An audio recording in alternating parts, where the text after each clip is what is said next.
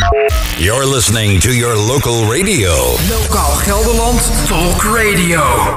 Veel sectoren in Nederland zitten momenteel nog steeds dicht in verband met het COVID-19. Musea Zutphen zit in ieder geval tot 9 juni dit jaar dicht voor het publiek. Hoe zijn ze de afgelopen periode doorgekomen en wat kunnen ze het publiek nog bieden in deze lastige tijd? We gaan hierover in gesprek met Tiana Wilhelm, directeur van Musea Zutphen. Kunt u in het kort uitleggen wat er zoal te zien is in het musea in Zutphen? Uh, ja, dat kan ik. De musea Zutphen, het zijn er dus twee. En dat is het Stedelijk Museum Zutphen en Museum Henriette Polak. Die bevinden zich allebei in het Stadspaleis Hof van Hekeren. En je vindt het Hof van Hekeren aan het Schravenhof in Zutphen. Dat is in de historische binnenstad van, uh, van Zutphen. Mm En wij zeggen wel eens het Schravenhof is de plek waar de geschiedenis van Gelderland begon. En eigenlijk van Nederland, als je heel erg uh, een grote broek aantrekt. Want Zutphen behoort tot de oudste steden van Nederland. En in het Stedelijk Museum Zutphen vertellen we het verhaal van Zutphen. Chronologisch en thematisch. Dus we gaan door de eeuwen heen. En alle bijzondere gebeurtenissen uit die rijke geschiedenis van Zutphen die komen aan de, aan de orde. De Hanse tijd, de 80-jarige oorlog. De grote invloed die alle adellijke families uh, hebben gehad op de collectie van het museum. En uh, in de etage daarboven vind je museum Henriette Polak. Henriette Polak is een, uh, voorname dame die geboren is in Zutphen. En uh, in haar leven een hele belangrijke rol heeft vervuld richting de kunsten. Zij was mecenas, dus ondersteuner van de kunsten. Ja. Veel van klassieke muziek. Maar ook van het museum dat haar naam draagt. En dat is een museum voor moderne en hedendaagse kunst. Uh, met een hele mooie uh, collectie. Wij profileren ons als het museum voor modern klassieke schilder- en beeldhouwkunst in Nederland. En dat kan je dus zien uh, in Museum Henriette Polak. Dat is een zeer indrukwekkende lijst, mag ik wel zeggen. Dankjewel. Ja, als ik het zo hoor, dan uh, zou ik bijna zeggen, ik ga er naartoe. je moet er naartoe, zodra ja, we weer eigenlijk wel. Eigenlijk wel, ja. hè? Nu zitten we helaas nog steeds in het coronatijdperk. Hoe ziet ja. jullie museum er op dit moment uit in coronatijd? Uh, nou, een beetje treurig natuurlijk, want het museum is er voor de bezoekers. En uh, die hebben we sinds medio december dus niet meer gezien. Dus wij verheugen ons heel erg op het openingsmoment en het begint nu toch wel een beetje erop te lijken dat dat begin juni gaat gebeuren. Ja. Dus we zijn achter de schermen druk aan het werk. Het museum zelf is dus niet gesloten geweest als werkplek. Hè. We hebben gewoon doorgewerkt als, als museumteam aan nieuwe tentoonstellingen die te zien zullen zijn. En nou ja, allerlei klussen waar je normaal gesproken niet aan toe komt. Dat is dan weer het, het voordeel bij dit nadeel. Daar is hard aan gewerkt. Dus je moet het zo zien. Het is een huis voordat het feest begint. Dus we zijn heel druk bezig om het weer klaar te maken. Zodat als de bezoekers kunnen komen, het echt feest is voor ons en voor hun. Is het nou ook zo dat Zutphen bijvoorbeeld een archeologisch team heeft die op zoek gaat naar dingen? Ja, zeer zeker. Dat is een wettelijke taak zelfs. Mm -hmm. En de gemeente Zutphen heeft een heel erg goed archeologisch team die zeer regelmatig uh, uh, bijzondere ontdekkingen doet. Ja. En een deel van die ontdekkingen die laten we ook zien in het museum. Dat is natuurlijk heel interessant. Ik kan me zo voorstellen dat uh, nu het museum gesloten is, um, dat het wel iets met mensen doet, zeg maar. Krijgt u daar reacties op? je bedoelt van onze bezoekers of ons ja. eigen team? Nou ja, ik denk beide. ja, nee, dat doet, doet zeker wat. Want het is heel fijn om te, te merken aan de kant van onze bezoekers dat we gemist worden. Ja. uh, mensen komen graag naar de musea Zutphen. En uh, ja, mensen willen gewoon überhaupt in deze coronatijd, dat merk je natuurlijk aan alles, heel graag erop uit. Nieuwe indrukken opdoen. Uh, ja, je verbazen over bijzondere tentoonstellingen of, of juist hele mooie tentoonstellingen. Dus die behoefte om dat weer te ervaren is heel erg groot. Een, een, belangrijke groep klanten van ons is ook het onderwijs. Dus de, de scholen die normaal gesproken naar het museum toe gaan. Ja. dat is natuurlijk ook al heel lang niet mogelijk geweest. Dus die staan ook te trappelen om weer uh, museumlessen te krijgen. Nou, voor onszelf als team en onze vrijwilligers, we hebben zo'n uh, ruim 80 vrijwilligers die allerlei uh, uh, hand- en spandiensten aan ons verlenen. Dat is natuurlijk ook heel raar geweest. Sommige vrijwilligers hebben in de tussentijdse openingen, want we zijn natuurlijk vorig jaar in de zomer wel open geweest tot, tot medio december, hebben wel gewerkt en dat was ontzettend fijn. Maar een aantal vrijwilligers die meer achter de schermen werkt en ook vaak al wat ouder is, die hebben niet kunnen komen. Dus uh, uh, wij missen hun en zij missen ons.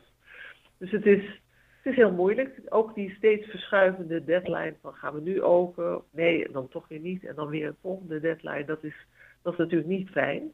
Want we bereiden ons iedere keer voor van ja, nu gaat het gebeuren en dan ja, toch weer niet. Dus die spanningsboog houden en, en ook uh, ja, zijn we nu bezig iets te maken wat ook daadwerkelijk gezien kan worden door bezoekers. Uh, dat is de afgelopen maanden echt een vraag uh, geweest. Uh, om maar iets te noemen. De tentoonstelling die hopelijk na de heropening nog wel te zien is. Dat is Zilver voor iedereen. Dat is een, een prachtige tentoonstelling over historisch en hedendaags zilver van 21 zilversmeden. Die is geopend op 12 december. Dus die is eigenlijk alleen dat weekend te zien geweest. En daarna waren we weer dicht. Ja. Dus het is natuurlijk ongelooflijk frustrerend voor ons, voor die zilversmeden, maar ook voor het publiek. Dus uh, ja, nou, we, we, we, kijken er echt naar uit uh, als we begin juni weer open kunnen gaan. Kan ik me heel goed voorstellen, want dat is natuurlijk toch wel iets wat je graag aan het publiek wilt tonen. Hè? En ja, uh, dat het uh, gewoon, ja, je werkt er zo hard aan met z'n allen. En ja, het, het wordt continu natuurlijk tegengehouden door de regering. Ja. logisch, hè? want we zitten natuurlijk in het coronatijdperk nog steeds. Is het wel zo dat, dat jullie bijvoorbeeld online iets kunnen aanbieden voor jullie vaste bezoekers? Of in de, voor de bezoekers in het algemeen?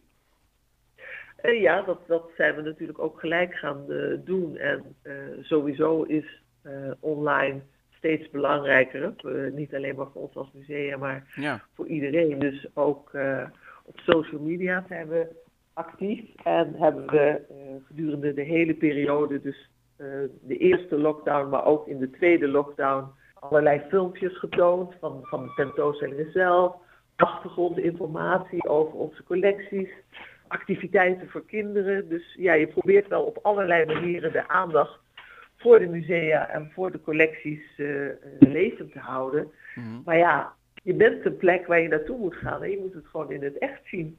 Ja. Het plaatje is toch heel wat anders dan het schilderij of het beeld in, in werkelijkheid. En, en, de ervaring van de vikingaanval, uh, die moet je gewoon in het museum zelf zien. Ja, ik denk dat de beleving ook heel anders is. Absoluut. En dat, uh, dat is natuurlijk als je ja, in een museum loopt, kun je het ook echt zien. Ja. Even kijken, als alles mee zit, kunnen we natuurlijk binnenkort uh, de musea's weer opengooien. Hoe zien jullie een coronaproof museum voor je? nou, dat, we hebben al bewezen een coronaproof museum te zijn. Want uh, uh, de eerste keer dat we weer heropenden, dat was natuurlijk juni vorig jaar. En net zoals al onze collega's hebben we ervoor gezorgd dat onze bezoekers veilig het museum kunnen bezoeken. Dus dat betekent dat, sowieso dat ze moeten reserveren. Uh, dus er zijn timeslots die je kan reserveren voor je bezoek. Uh, na de eerste lockdown en toen we weer open gingen, was het ook uh, gewenst dat mensen een mondkapje dragen. Dus ja. zowel onze eigen mensen als de bezoekers dragen een mondkapje. We hebben looproutes aangelegd. er is meer toezicht ook om mensen ja, bij de les te houden. Dus we zorgen ervoor dat iedereen op een, op een prettige manier uh, toch het museum kan bezoeken en zich geen zorgen hoeft te maken over de gezondheid. Nou, dat, uh, dat klinkt heel goed. Veel bedrijven en sectoren zijn hard getroffen door het coronavirus. Wat is de ja. invloed van het coronavirus op de kunstwereld op dit moment? En dan bedoel ik het eigenlijk in brede zin. Ja, dat begrijp ik. Gigantisch. Dat is echt uh, het, op het moment dat een museum sluit of dat een theater sluit, betekent het natuurlijk niet alleen iets voor de mensen die dat museum of dat theater uh, runnen, uh, maar ook voor alle voorstellingen en voor alle tentoonstellingen die gepland waren. Dus is je krijgt een soort kettingreactie van allemaal mensen die gedupeerd raken vanwege het feit dat je als uh, instelling gesloten bent. Ja. Dus dat zijn ook alle toeleveranciers. Hè. Dus in ons geval zijn dat uh, naast kunstenaars ook vormgevers, videomakers. nou, noem het maar op, alles wat erbij komt kijken om een tentoonstelling te, te maken, dat vervalt. Ja.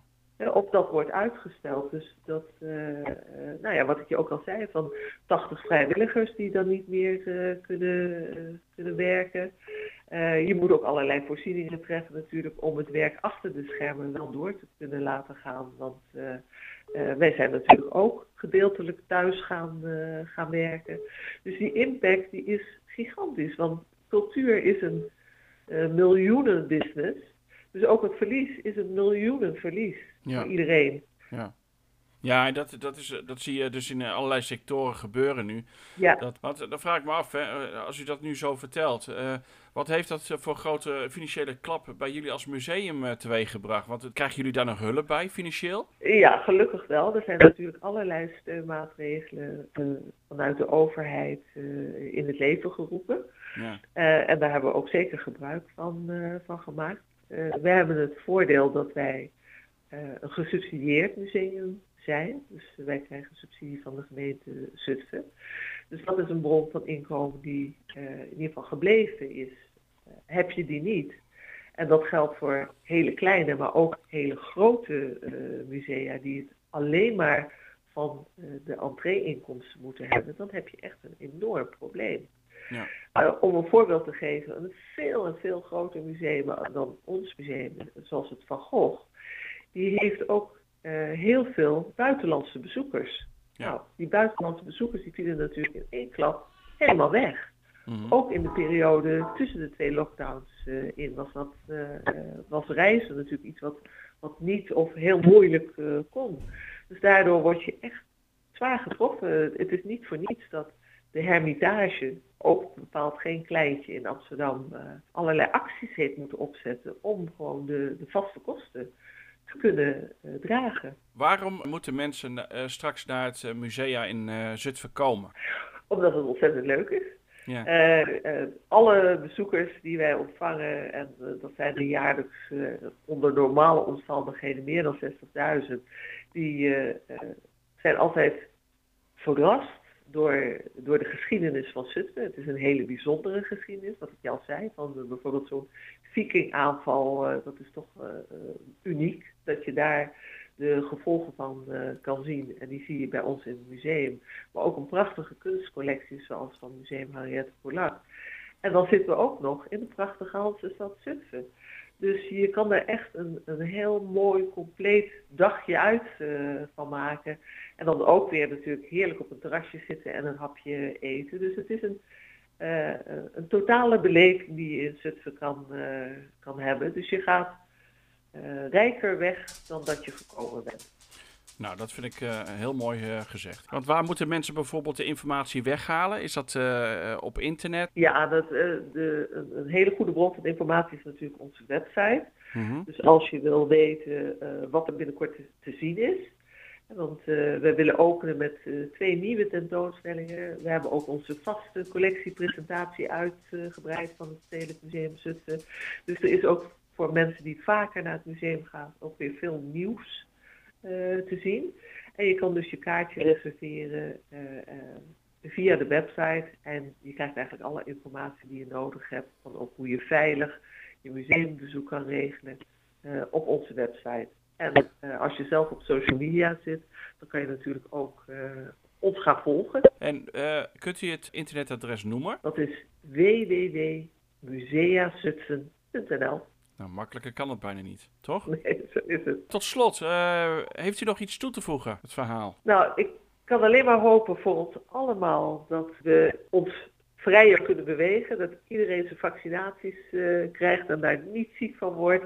En dat we weer kunnen genieten van al het moois wat uh, cultuur te bieden heeft in, in Nederland. En nou ja, de afgelopen maanden werd natuurlijk heel vaak gezegd van denk aan je lokale ondernemers ook een museum is een onderneming, dus uh, bezoekers van buiten Zutphen zijn absoluut zeer welkom. Maar bezoekers uit eigen stad zeker ook. Denkt u dat het coronavirus uiteindelijk ook meegenomen wordt uh, in het uh, uh, museum als pandemie, zeg maar? Je bedoelt dat we daar objecten over gaan verzamelen? Ja, sowieso, ja. ja, dat is een vraag die zich al heel vroeg aandiende bij, bij de eerste lockdown. Wat gaan we hier nu mee doen? En wat je ook als museum niet wil, is dat elk museum bij wijze van spreken een mondkapje gaat verzamelen. En want dat is niet nodig. Dat, dat, als je ooit, nou laten we zeggen over 50 jaar een tentoonstelling wil maken over hoe was dat ook alweer, corona, dan kan je natuurlijk ook heel veel objecten van elkaar lenen. Ja. Maar uh, we hebben wel ons oog laten vallen op een schilderij, wat gemaakt is door Willem den Oude. Willem den Oude is een fantastische schilder die hele mooie zelfportretten maakt en die goed vertegenwoordigd is in onze collectie. Okay. Willem is uh, al behoorlijk op leeftijd, het is in, in de negentig, maar hij werkt nog steeds. En hij heeft vorig jaar corona gekregen en overwonnen. En hij heeft een zelfportret van, uh, van zichzelf gemaakt, dus uh, met een mondkapje op. een beetje in de stijl van de schreeuw van Munch. Oh ja. En dat is natuurlijk voor ons een schilderij wat ontzettend goed past in de collectie wat deze rare tijd uh, heel goed weergeeft.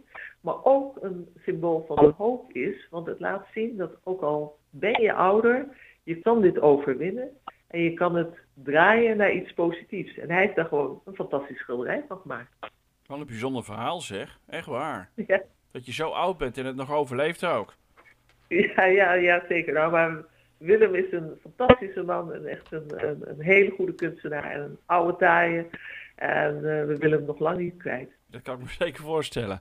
Tot slot wil ik u bedanken voor uh, het interview. En uh, nou ja, mocht er nog weer een keer wat dingen voorbij komen of wat dan ook, laat het ons gewoon weten. Dat zullen we zeker doen. En nou ja, ik verwacht je natuurlijk wel hè, na de heropening. Ik ga zeker kijken, dat, dat beloof ik bij deze. Nou, hartstikke goed. Tot dan. Oké, dank u. Dag. Dag. Wat is volgens jou het nieuws waar wij over moeten berichten? Tip jouw nieuws via redactie.lgld.nl Lokaal Gelderland Talk Radio.